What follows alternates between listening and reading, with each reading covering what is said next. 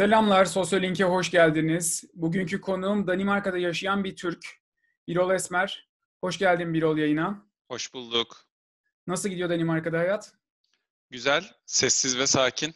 İzolasyon altındaydık zaten. Bizde çok değişen bir şey olmadı. Aslında Danimarka'da hayat genel olarak sessiz ve sakin ama karantina altında herhalde sesler daha da kısıldı. Yani sesler kısıldı ama gönüllü bir şekilde kısıldı. Disiplinli bir toplum genelde. İlk açıklamalardan sonra da genellikle riayet edildiğini düşünüyorum. Tabii gençlere birkaç tane ek uyarı yapılması gerekti büyük açıklamalardan sonra. Ama genel olarak bence uyuldu. Zaten onlara da değineceğiz. Süper. Bugün aslında birazcık hazırlık yaptık. Çünkü Danimarka ile Türkiye arasında bir küçük karşılaştırma yapmayı hedefliyoruz. Bunun için de bir dosya hazırladık. Bu dosyayı ekrana yansıtıp üzerinden zaman çizelgesini izleyerek birazcık Danimarka'da bu kriz sürecinde neler oldu, Türkiye'de neler oldu gibi bir karşılaştırmayla gideceğiz. Hemen başlayalım karşılaştırmamızı yapmaya. Ben karşılaştırma ile ilgili de aslında izleyicilerin de şöyle bir ön yargıyı kesinlikle oluşturmamalarını da istiyorum. Yani tabii ki Danimarka sosyal medyada bizim şakalarımıza da konu olan ondan sonra butik diyebileceğimiz bir ülke. Hani işte Danimarka bunu yaptı, Türkiye neden yapmadı ya da Türkiye bunları yapabilir miydi değil. Çok pratik, çok hayata dair, çok uygulanabilir şeylerden bahsedeceğiz. Onu da herhalde takdir eder izleyenler. Doğru. Çünkü aslında Danimarka ile Türkiye'yi karşılaştırmak çok kolay değil. değil. Aslında karşılaştırmaya şöyle başlamak lazım. Türkiye ile Danimarka arasında ciddi farklılıklar var. Türkiye'nin nüfusu 82 milyonken Danimarka'nın nüfusu bundan 14 kat daha az ve 5.8 milyon. Türkiye'nin toplam milli geliri ise Danimarka'nın milli gelirinin iki katı. Fakat kişi başına düşen gelire baktığımız zaman Danimarka'da bir kişi başına düşen gelir, Türkiye'de bir kişi başına düşen gelirin 6 katı daha fazla. Aynı şekilde sağlık konularında yapılan harcamalar da birbirinden çok büyük farklılıklar gösteriyor. Toplam Danimarka bütçesinin %16'sı sağlığa ayrılırken Türkiye'de bu oran %8-9 seviyesinde. Dolayısıyla orada da iki kata yakın bir fark atmış durumda Danimarka. Peki kriz sürecinde neler oldu? Bildiğim kadarıyla Danimarka'da ilk koronavirüs vakasının tespiti 27 Şubat'a denk geliyor değil mi? Evet ve 27 Şubat'taki ilk vaka tespit edildiğinde açıkçası hayat normal seyrindeydi ve çok da büyük bir sansasyon olmadı. Ben hatırlıyorsun şans eseri Türkiye'deki ilk vakanın açıklandığı gün Türkiye'deydim. Gece yarısı yapılan alttan kırmızı bantların geçildiği bir basın toplantısıyla duyuruldu. Danimarka'da bu ilk vaka sessiz sedasız çıktı. Çin bağlantılıydı gibi hatırlıyorum.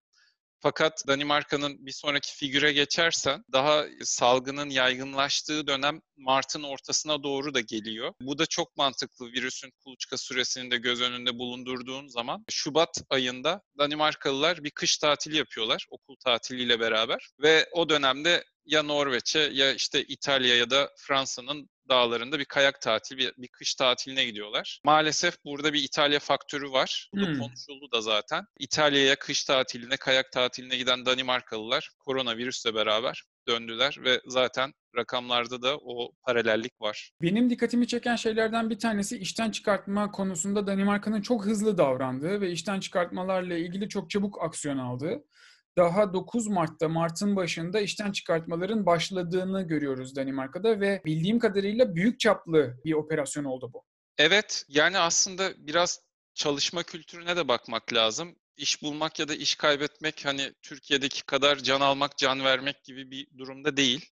Herhalde bu düşük işsizlik ortamıyla açıklanabilir. Hani iktisatçı değilim ama dolayısıyla sosyal devletin verdiği güvencelerle beraber hani çok acil bir şekilde aksiyon alan mesela işte otelcilik, turizm gibi sektörler göğüslerini gere gere de açıklama yaptılar. Yani bizim zaten önümüzdeki 3 ayda herhangi bir rezervasyonumuz, herhangi bir görünür gelirimiz yok. Biz bu insanları çıkartmak zorunda kaldık. Önümüzdeki bir yılda sendikada birikmiş olan e, işsizlik maaşlarını alacaklar. Yani burada şeydi, çok büyük bir sosyal tepki falan olmadı. Yanlış hatırlamıyorsam BC Hospitality Group'tu ilk çıkartan ve CEO'sunun televizyona Turizm, çıkıp açıklama yap, açıklama yaptığını çok iyi hatırlıyorum.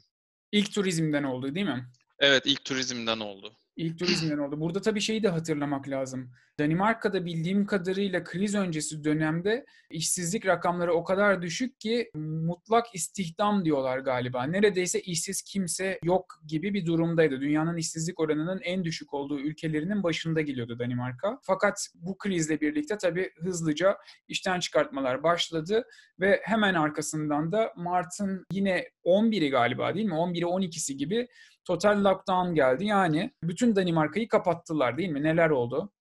Evet. Aslında orası bence zaten oyunun değiştiği yer. Farkındaysan ilk korona vakası dedik fakat ilk ölüm demedik. Bir sonraki figürde göreceğiz ya da takip eden slaytlarda.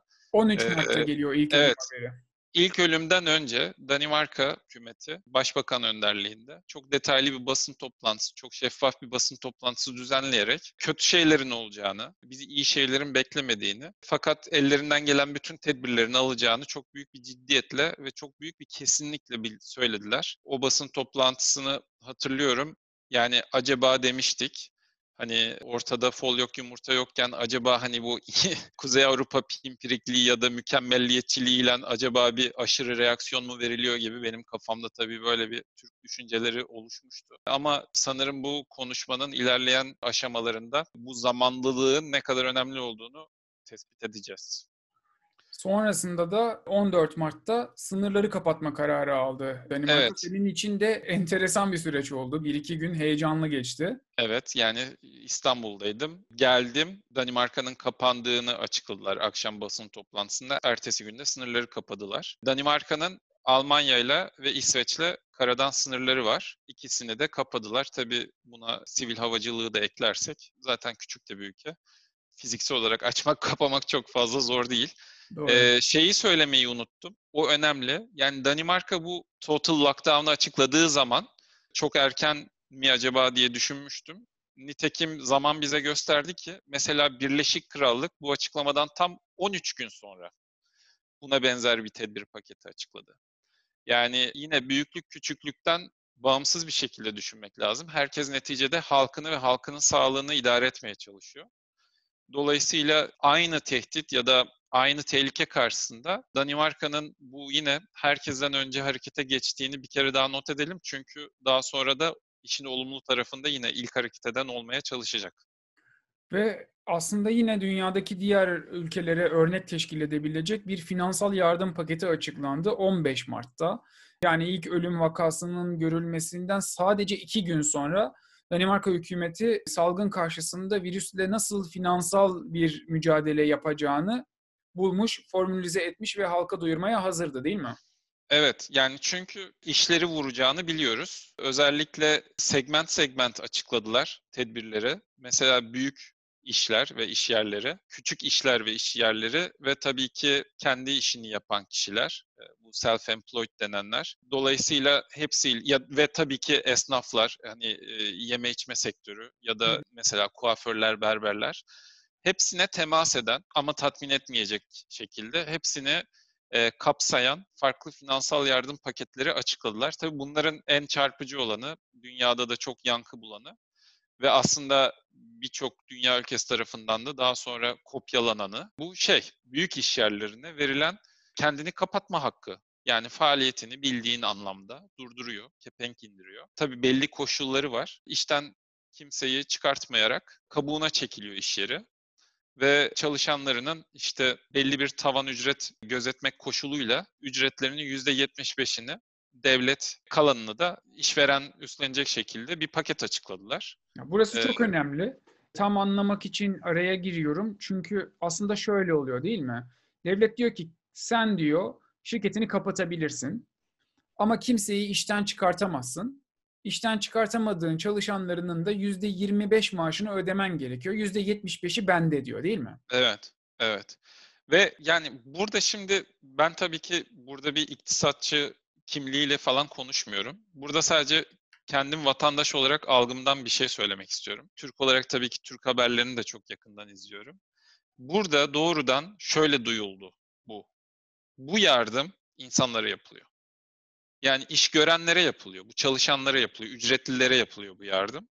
Bu yardım onların işlerini kaybetmeden nasıl en azından önümüzdeki 3 ayı çünkü Haziran'a kadar bu paket yani bunun bir süresi var. Haziran'ı nasıl görürüz? Herhangi bir şekilde böyle işverenlerin paniğine, insafına insanları bırakmadan nasıl yapabiliriz? Türkiye'deki paketlerin açıklanış şekline baktığın zaman tamamen bunu vatandaş olarak söylüyorum. Sermaye ve işverene yardım yapılıyormuş gibi bir tınısı var. Yani bu tamamen belki bilmiyorum yorum yapar. İletişim stratejisi olarak da e, uzmanların yorumlaması gereken bir şey. Yani bir tanesi doğrudan iş görenin kendini güvende hissetmesini sağlarken diğeri biz sermayeyi kurtarmaya çalışalım gibi bir ya da rahatlatmaya çalışalım. Onlar da herhalde bir kötülük yapmazlar çalışanlarına gibi oluyor. Yani bunu ben iki tarafın da haberlerini takip ettiğim için herhalde söyleyebilirim. Çünkü bu benim bir algım, subjektif. Ama bu şekilde ben bunu yaşadım. Burada benim birazcık araştırdığımda karşıma çıkan şeylerden bir tanesi çok büyük bir yardım paketi hazırlamış hükümet ve 200 milyar kron gibi bir rakam yanılmıyorsam. Evet 30 ee, milyar euroya yakın. 30 milyar euroya yakın bir yardım paketi hazırlanmış ve bu 30 milyar euroluk paket 2008 krizinden sonra bankalar tarafından tutulmak üzere kararlaştırılmış. Çünkü 2008 krizinde onlar da bütün dünya gibi muhtemelen yeterli hazırlıkla yakalanmadılar krize. Evet. Fakat o krizden bir şeyler öğrenmişler ve bir sonraki krize hazırlanmak için de bir rezerv tutmaya, bir işte Türkiye'de uzun zamandır söyleniyor kara gün parası gibi bir şey tutmaya karar vermişler ve böyle bir yardımı ceplerinde hazır tuttukları için de çok hızlı davranıp hem de çalışanların, iş görenlerin yararına böyle bir paketi hızlıca açıklamışlar. Doğru. Bu paket açıklandıktan sonra paketler biliyorsun ardı ardına geldi. Fransa, Almanya, İspanya gibi ülkeler de çok geniş yardım paketleri açıkladılar. Bu böyle doğrudan evet hakikaten işte ülkenin bir kumbarası var. Burada zor durumdayız. Bu kumbarayı kırmamız lazım gibi. Yine bak şeyi dönmek zorundayım Barış. Güven. Yani ya bizim böyle bir şeyimiz varmış yani devletin kötü günler için ya da böyle krizler için rezervinde, sağında solunda aynı küçük bir ailenin olduğu gibi bir kötü gün parası varmış ve bu bizim lehimize böyle bir dönemde kullanılabiliyormuş. Yine tatmin olmayanlar vesaire vardır ya da bunun belli kritikleri vardır ama bunun en basit duyuluşu bu. Bu şekilde. Şimdi ben daha önce konuştuğumuz için biliyorum eşimle aranda bu paketin açıklanmasının üstüne bir anekdot geçmişti. Neden Danimarka'da başınıza hiçbir şey gelmeyeceğini, neden hiçbir şey olmayacağını anlatmıştı sana bir Danimarkalı olarak. Ne demişti hatırlıyor musun? Yani Şimdi o gecelere falan dönersek bir pandemiyle karşı karşıyayız. Bütün dünya liderleri suratları beş karış açıklamalar yapıyorlar. Nereye gittiğimiz belli değil. İşlerimiz, sağlığımız, çocuklarımız güvende değil. Kötü bir ruh halindesin. Ve tabii ki böyle bir haldeyken, böyle bir ruh halindeyken evrimsel olarak herhalde en en en başlangıç noktalarına dönüyorsun. Yani biz ne yiyeceğiz, biz ne içeceğiz, bizim kaynaklarımız neler? Dolayısıyla hakikaten on derece içgüdüsel bir şekilde bizim işte unumuz, buğdayımız, arpamız, işte patatesimiz, tarımımız, sütümüz, etimiz var. Ondan sonra devletimizin keşi var. Kaynakları kendine yeten, kendini e, idame ettirebilecek ülkeyiz. Dış borcumuz kontrol altında bize bir şey olmaz. Yani zaten Türkiye'de de böyle bir motto var biliyorsun. Ondan sonra. Biraz ee, altı boş ama sanki. Ya onun yanında bir gülücük emojisi var. Buradaki ise gerçek. Yani bize bir şey olmaz. Bunun yanında sapa sağlam bir gerçeklik var. Ben de bunun bu arada tadını çıkartıyorum. Yani şöyle anlatmak lazım. Neticede muhalif görüşlere sahip insanlar olarak Türkiye Cumhuriyeti'nde devletçi, ondan sonra biraz daha ataerkil, biraz daha devletin bireyin önünde olduğu bir kültürle yoğrulduk. Dolayısıyla hani böyle devletin çok fazla belirgin görünür, kol kanat gerer, koruyan, üst perdeden konuşan halleri aslında çok aradığım, onayladığım, beklediğim şeyler değil. Ama bu çelişki nereden geliyor? Kendimi tehdit altında hissettiğim zaman ve böyle bir krize yakalandığım zaman açıkçası birilerinin çıkıp biz senin için şunu düşündük, Elimizde bunlar var sana yapabilecek. 3 aylık, 6 aylık ama bunlar var demesi belirli bir sıklıkta e, çok şeffaf, çok net, çok direkt bilgiler vermesi. Yani ah be devlet ne kadar güzel yani benim için var olan bir şey. Arada bir bana kol kanat germesi de fena değil yani dedirten bir şey. Bunu Değil itiraf Kon- etmeliyim. Konforlu, rahat, güzel bir şey ve insan buna çabuk evet. alışıyor muhtemelen. Yani bunu itiraf etmeliyim. Ben bunun kendi içimde çünkü şeyini yaptım. E, muhasebesini yaptım. Bu böyle bir benim yine bireysel bir analizim. Hemen arkasından da Danimarka'da okulların kapatıldığını görüyoruz. Yani zaten şurada baktığımız zaman 9-17 Mart arasındaki yaklaşık bir hafta süre içerisinde gerekli tüm önlemlerin alındığını ve çok hızlı şekilde harekete geçildiğini görüyoruz. Evet. Okulların kapatılması tabii sadece okulların kapatılması anlamına gelmiyor. Velilerin de kapatılması anlamına geliyor. Zor bir süreç bu sefer başladı. Yani hem okulların kapatılması olayın ciddiyetine de bir miktar daha ciddiyet katıyor. Yani kar tatil ya da sis tatil yüzünden kapanmadı yani. Bu bildiğin bir pandemi yüzünden kapandı. En soğukkanlı insanda bile yani çocuklar da mı tehdit altında diye ufak bir şey yaratıyor. Sonrasında da bizim ne olduğunu tam olarak anlamadığımız ama zannediyorum orası için önemli olan bir şey oldu ve Danimarka kraliçesi bir konuşma yaptı değil mi? Evet. Ya şimdi burada belli bir kronolojide gitmesi ve bunu da görselleştirmemiz bence izleyiciler için çok güzel oluyor. Yani önlem paketleri, okulların kapatılması, finansal yardım paketleri, bütün farklı e, farklı farklı iş kolları için finansal yardım paketleri vesaire derken devamlı bir bilgi ve tedbir bombardımanı altındasın. Hani bu güven veren devlet dediğim şey bu. Çok şeffaf, doğrudan ve ciddiyetle bir takım şeyler, devamlı aksiyonlar alınıyor. Ve işte durup dururken kraliçe de konuşma yapacak gibi bir haber. E, kraliçe monarşi Danimarka'da var. Evet yani sembolik bir statü olsa da devletin başı e, ve çok da konuşan birisi değil. Hatta kraliçenin yılbaşındaki yıllık konuşmasında hani hangi konuya değineceği bahis sitelerinde bahisi açılıyor falan işte göçmen konusuna değinecek. İşte işsizlik konusu artık ne nasıl bir konu varsa orada ona değinecek ya da değinmeyecek diye bahis yapılan bir konu. Yani çıktı. Çok zor dönemlerden geçeceğini Danimarka'nın bütün dünya ile beraber ve halkın sağduyulu ve sakin olması gerektiğini yönelik sembolik yani hakikaten kelimenin tam anlamıyla sembolik bir konuşma yaptı. Fakat iki hafta sonra gördük ki bu aslında mesela Birleşik Krallık tarafından da işte Kraliçe Elizabeth'e yaptırıldı ya da kendileri yaptılar. Doğru. Dolayısıyla hani Evet bu bizim çok bilmediğimiz bir konu ama tabii ki bu insanların burada taraftarları ya da sempatizanları da var. Belli bir etkisi olmuştur ama diyorum yani bir şeyler yapılıyor. Bir şeyler mobilize ediliyor. Bir takım kaynaklar, kişiler. O kapsamda burada olmayı hak eden bir konu. Sonrasında 24 Mart'a gelindiğinde toplam işten çıkartma rakamının 42 bin olduğu görülüyor. Bu rakamın Danimarka'daki geçen seneki işten çıkartma, aynı dönemdeki geçen senedeki işten çıkartma sayısına göre yüzde 200 daha fazla olduğunu söyleyebiliriz. Gerçekten enteresan yani ciddi bir işten çıkartma durumu var. Peki bunun sokakta bir karşılığı var mı? Yani insanlar hakikaten bir yoksunluk, bir sıkıntı çekecek gibi mi gözüküyorlar? Benim de severek çalıştığım eski iş yerim Danimarka'nın hatta Avrupa'nın büyük giyim şirketlerinden bir tanesi. 750 kişiyi işten çıkarttı. Yani önlerinde seçenekler vardı işverenlerin. İşte bu yardım paketlerine başvurmak, çalışanları esnek çalışma saatleri sunup eksilen saatlerini sendikalarından tamamlayarak yarım zamanlı çalışan işveren bakımından fakat iş gören tarafından hala full maaşını alabilen durumlar da bir takım seçenekleri vardı. Tabii ki bazıları panik butonuna erken basıp derhal aksiyon aldılar.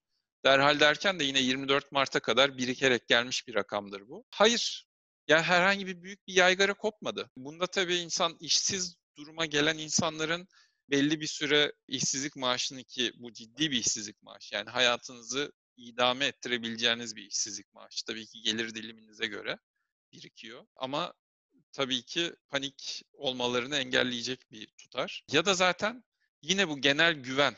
Yani bu kriz, bu fırtına benim bir takım yetkinliklerimin yok az olmasıyla ya da performansımın az olmasıyla değil, elimde olmayan çevresel faktörlerle ortaya çıktı. Bu faktörler ortadan kalkınca ben de muhtemelen eski rayıma oturacağımdır. Dolayısıyla hayır hatta ben bir iki kişiyi tahrik etmeye de çalıştım hani yani böyle şey olur mu falan diye. Yani böyle hani reaktif, eleştiri dolu, duygu dolu ya da çok öfkeli bir şeyler yok. Yani öyle bir şey hissedilmiyor havada. Çünkü muhtemelen bir mağduriyet oluşmayacak. Herkes bunun farkında. Hayat normale döner dönmez de büyük ihtimalle herkes yeniden kendisine bulacağı yeni bir işte çalışıp üretmeye başlayabilecek. Ee, Yani hayatın normale dönüşüyle ilgili de zaten şeffaf devlet anlayışıyla hızlıca sinyaller vermeye başladılar. Ve benim takip ettiğim kadarıyla 30 Mart'ta Danimarka'da tırmanışın, hastalığın tırmanış seyrinin yataya geçtiğinin haberi verildi. Yani burada 27 Şubat'tan alacak olursak işte yaklaşık 40 gün ama tedbirlerin alınmaya başladığı 9 Mart'tan alacak olursak aslına bakarsan bir ay içerisinde hastalığın seyriyle ilgili bir yatay duruma geçilmiş oldu ve hayatın normale dönmesiyle ilgili adımlar atılmaya başladı değil mi bundan sonra da? Şimdi evet madalyonun öbür tarafına geçiyoruz. Madalyonun öbür tarafı da yani şu anda bir tedavi ya da bir önleyici tedavi aşı var mı korona ile ilgili? Yok. Fakat Danimarka yeniden hayatı normale döndürmekle alakalı adımlar atmaya başladı. Buradaki kararlarını hep sayılara dayandırdılar, gerçekliklere dayandırdılar. Mesela e, ben şunu duydum, okudum. Danimarka Enfeksiyon Hastalıkları Enstitüsü'nün bir araştırmasına göre 12 Mart'tan önce bir COVID-19 pozitif birey ortalama 2.6 başka bireyi enfekte ediyormuş. Bugünler itibariyle bu ya da bu açıklamanın yapıldığı tarih itibariyle bu COVID-19 pozitif birey ortalama 0.6 kişiyi enfekte edebiliyor. Yani 2.6'dan 0.6'ya. Evet. Yani dolayısıyla bu sosyal mesafelenme, kişisel izolasyon ya da sokağa çıkma yasağı her neyse bunun amacı bu. Bir pozitif bireyin minimum ya da hatta mümkünse sıfır kişiyi enfekte etmesi. Şimdi bu rakamı sıfıra yaklaştırdıkları anda tabii ki bu meşhur eksponansiyel enfeksiyon eğrisinin flatten the curve yani eğriyi düzleştir kısmı zaten 29 Mart'tan 30 Mart'tan beri aşağı doğru gidiyordu. Flatten bile değil yani aşağıya doğru iniyor. Dolayısıyla bütün parametreler sana, elinde baktığın bütün ne bileyim kriterler sana ya bir iyileşme var derse sen de bilinçli bir devlet olarak ne yapmak zorundasın? Denemelere başlamak zorundasın. Çünkü sen de elindeki kaynakların ne kadar hani sonsuz değil değil mi? Burada ne bileyim 10 tane Suudi Arabistan'dan bahsetmiyoruz yani. Neticede 5.8 milyonluk bir ülke. Açmaya başlayalım mı acaba? Ve nereden başlarsın? Tabii ki bütün araştırmalara göre çocuklar bu pandemide en düşük risk grubu. Dolayısıyla acaba okulları açsak mı? Nitekim bu tartışma işte 10, 11 yaşından küçük çocuklara tekabül eden sınıflarda ve anaokulu ve anaokulundan da küçük Vugestu denen bu hani bebeklerin bakıldığı yuvaların açılması kararıyla sonlandı. O da işte aslında resmi olarak bu çarşamba yayını yaptığımız gün itibariyle dün ama bazıları özellikle anaokullarının bazıları haftaya pazartesi açılacak. Ama yavaş yavaş başladılar. Ve evet. artık virüsle ilgili bağışıklığının en yüksek olduğunu bildiğimiz küçük yaş gruplarından başlayarak çocukları okula göndermeye başladılar. Peki bu şu mu demek tam olarak? Biliyoruz ki virüs hala yayılmaya devam edebilecek durumda. Evet. Karşısına koyduğumuz bir aşı ya da bir tedavi herhangi bir şey yok. Sadece yayılma hızını yavaşlatabiliyoruz. Ve ikinci bir bilgimiz daha var. O da aslında biraz varsayımsal bir bilgi ama doğru olduğunu umuyoruz hep birlikte. O da hastalığı geçiren bir birey atlattıktan sonra hastalığa karşı bağışıklık kazanmış oluyor. Dolayısıyla burada bağışıklığının en yüksek olduğunu bildiğimiz yaş gruplarından başlayarak kontrollü bir şekilde hastalığın bulaşmasını bu yaş gruplarına ve bu kişilerin hastalığı geçirdikten sonra bağışık bireyler olarak hayatlarına devam etmesine yönelik bir hamle mi bu? Evet. Çünkü yani bu arada uzmanı olmadığımız bir durum. Şimdi İngiltere, Birleşik Krallık ben sürü bağışıklığı uygulayacağım diye ortaya çıktı. Fakat işte 60 küsür milyonluk bir nüfusa sahip ve aslında tartışmalı bir sağlık sistemine sahip birdenbire talebi patlattı. Daha sonra geri adım atmak zorunda kaldı. Ve biraz erken başladı tabii. Salgının ilk gününde evet. böyle bir açıklama yaptığın zaman salgın tüm hızıyla yayılırken ve e, kontrol altında değilken henüz tabii ki bu taktik işlemedi. Evet. Ve geri adım atmak zorunda kaldı. Buradaki en kritik nokta aslında çok haksız değiller bence. Çünkü eninde sonunda diyelim ki işte bütün araştırmalar, bütün tartışmalar herhangi bir aşının rüştünü ispat etmesinin işte 18 ayı bulacağını söylüyor. Yani muhtemelen hiçbir dünya ekonomisi 18 ay boyunca bu koşullar altında yaşamayı başaramaz. Dolayısıyla zaten eninde sonunda gelinecek nokta bu. Burada önemli olan öğrene öğrene gitmek. Hangi başarı faktörlerine, hangi parametrelere göre biz tedbir alacağız ya da tedbir gevşeteceğiz. Şimdi tekrar başa dönersek 11-12 Mart'ta ortalıkta çok dramatik, çok feci bir durum yokken alınan tedbirler ondan sonra öğrene öğrene giden bir ülke en sonunda ilk denemeyi, ilk risk alma adımını da atacak hamle üstünlüğüne kavuşmuş oldu. Evet. Şimdi artı kriz yönetimiyle ilgili işte bunu aslında Danimarka basınından değil BBC'den gördüm. Yapılan bir araştırma krizin yönetiminin onayının Danimarka halkında %86 oranında müspet bulunduğunu ortaya koyuyor. Mette Frederiksen 1977 doğumlu, sosyal demokrat bir kadın, siyasetçi. Ve geçtiğimiz yılda öyle büyük bir farkla falan Danimarka'daki genel seçimleri kazanmış değildi. Geçen sene oldu değil mi seçimler? Evet, geçen seneydi ve işte normal bir seçim kazandı. Fakat şu anda kriz yönetimindeki görev onayı, hani Türkiye'de de yapılan tabirle yüzde 86. Yani 86 demek sen de yani bir araştırmacı olarak biliyorsun yani bu bütün ülke bu krizin Danimarka'daki yönetilme şeklinden memnun. Dolayısıyla bu biriken güven, hadi arkadaşlar şimdi bir test yapacağız. Test demediler tabii ki. Bir risk alacağız. Risk dediler tabii ki. Ve bu riski çocuklarınızla alacağız. Ya inanabiliyor musun? Değil mi? Çok çok garip bir şey aslında. Bir devletin halkından istemesi için çok ilginç bir şey. Evet ama bak her şey birbirine değiyor. İşte her şey birbirine değdiği zaman zaten orada bir güç oluşuyor. Dolayısıyla sen önceden tuğlaları doğru bir şekilde ördün ve sonunda işte en alttan bir şey çektiğin zaman da ortalık çok fazla sallanmayacak gibi görünüyor. Şu anda bilmiyoruz bu arada. Belki bir hafta sonra çok daha farklı bir yayın yapacağız seninle. Bu erken hamlelerini de ara ara güncellemek hani nasıl gidiyor diye iyi bir takip olur. Doğru kesinlikle. Aslına bakarsan bugün gelinen noktada da Danimarka'da toplamda 6681 vaka olduğunu görüyoruz ve 309 tane ölüm gerçekleştiğini görüyoruz. Evet. Nüfusuyla karşılaştıracak olursak bunların son derece kabul edilebilir rakamlar olduğunu söylemek mümkün. Ben ayrıca bir de şunu göstermek istedim. Türkiye'de peki benzer zaman akışı içerisinde neler oldu? Türkiye'deki benzer zaman akışı 10 Mart'la başlıyor. 10 Mart'ta ilk defa Türkiye'de bir koronavirüs vakası tespit edildi.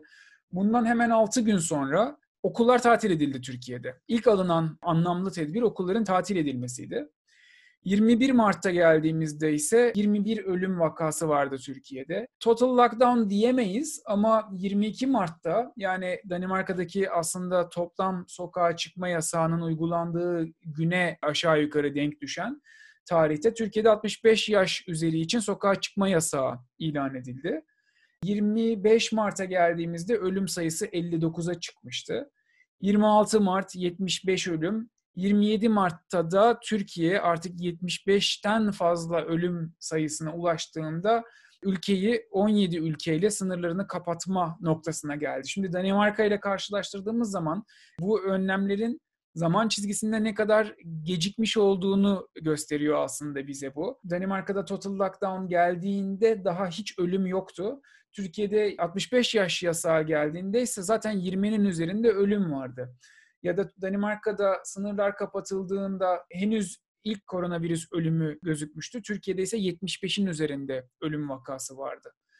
28 Mart'a geldiğimizde 108'e ulaştı rakam. 29 Mart'ta 131 oldu. 5 Nisan'a geldiğimizde de ikinci büyük tedbir diyebileceğimiz 20 yaş altının sokağa çıkmasıyla ilgili yasak uygulanmaya başladı ki aslında bakarsanız Danimarka'da bu tarihe geldiğimizde ilk koronavirüs vakasının üstünden bir ay geçmişti ve tırmanışla ilgili yatay seyir rotasına artık ülke girmişti. Bizde ise buna dair bir işaret henüz gözükmüyor. Ve bunun üstüne Türkiye üçüncü büyük önlemini 10 Nisan günü iki gün sokağa çıkma yasağı ilan ederek verdi uygulamadaki komedi artık dozunu burada tekrardan açmayı uygun bulmuyorum. Çünkü tatsız olmaya başlıyor artık bir noktadan sonra. 11 Nisan'da ise Türkiye'de ölüm sayısı 1101'e gelmişti ve Danimarka için olan 15 Nisan tarihi yani okulların açıldığı ve hayatın yavaş yavaş normale dönmeye başladığı tarih olan 15 Nisan Türkiye için 27 Nisan'a denk düşüyor. Önümüzde yaklaşık 10 gün var. Fakat bu 10 günde Türkiye'nin okulları açacağını bence şu an aramızda hiç kimse ya da ülkede yaşayan hiç kimse tahmin etmiyor. Bugün Birleşik Krallık 3 hafta daha lockdown'u uzatacağını duyurdu. Yani aslında Türkiye'yi onlarla kıyaslamak şeyde bu e, zaman çizelgesinde daha mantıklıysa evet gerçekçi değil diye böyle bir düşünce şey yapabiliriz, ortaya koyabiliriz. Benim söylemek istediğim bir şey daha var. Birkaç tane böyle küçük not birbirinden bağımsız. Paskalya girdi araya. Bu Paskalya işte dini bir bayram ama hani diniden çok aslında kültürel bir olay. Kutlama yapılan, ailelerin bir araya geldiği, mangalların yakıldığı vesaire.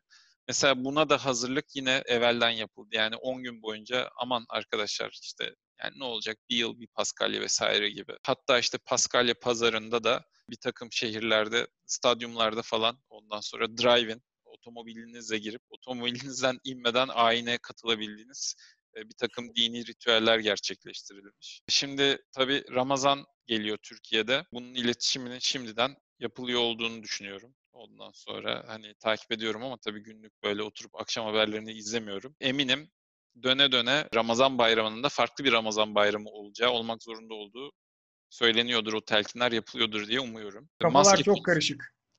Maske yani konusu var. çok karışık. Maske konusu Danimarka'da hiç tartışılmıyor. İstediğin kadar mesela bana da güvenme Google'la Maske diye bir tartışma yok Danimarka'da. Okullar yeniden açıldığında eğitim personelinin, öğretmenlerin ya da işte okul çalışanlarının maske takıp takmayacağı konusunda işte bir konusu olmuştu. Yani maske 5.8 milyon hani kapılara servis edilecekse yapılabilecek bir şey. Yani dikkati oraya dağıtmadılar. Ben bu maske konusunun Türkiye'deki seferberlik hali falan çok saygı duyulası ve güzel bir dayanışma.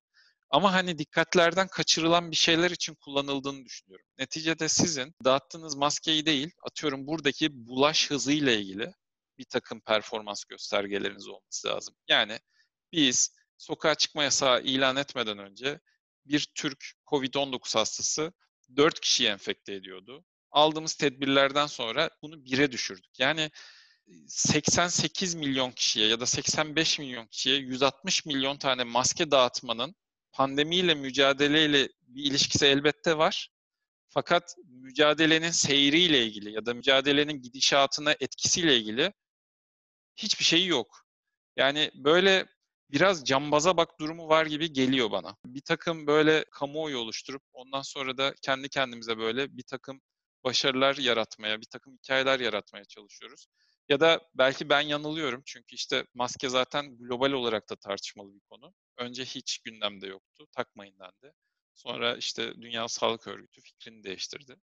Ya Türkiye'de bu bununla ilgili süper bir iş yapıyor belli yani. Herkese yeterince maske de var. Dış ülkelere de yolluyorlar. Ama mesela hiç olmaması durumu bir gündem temizliği, bir gündem ferahlığı da sağlıyor. Yani Hı. burada maskenin varlığı ya da yokluğu pandeminin ağırlığının, pandeminin gerçekliğinin, pandemiyle mücadelenin önüne geçmiyor.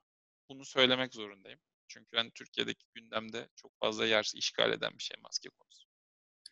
Çok teşekkür ederim katıldığın için. Ee, bence programın devamını yapalım ve Danimarka'daki gidişatı takip edelim. Çünkü bizim için aslında bir gelecekten haber gibi ya da daha iyisinin nasıl yapılabileceği, daha iyi nasıl organize olunabileceği ile ilgili bir yol gösterici gibi. Biz bu kıyaslamayı yapmaya devam edelim.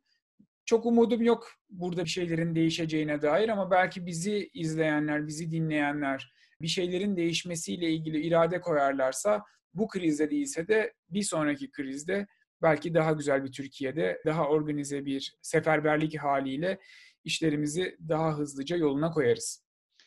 Bir sonraki görüşmemizde COVID-19 pozitif olmamamız dileğiyle diyorum.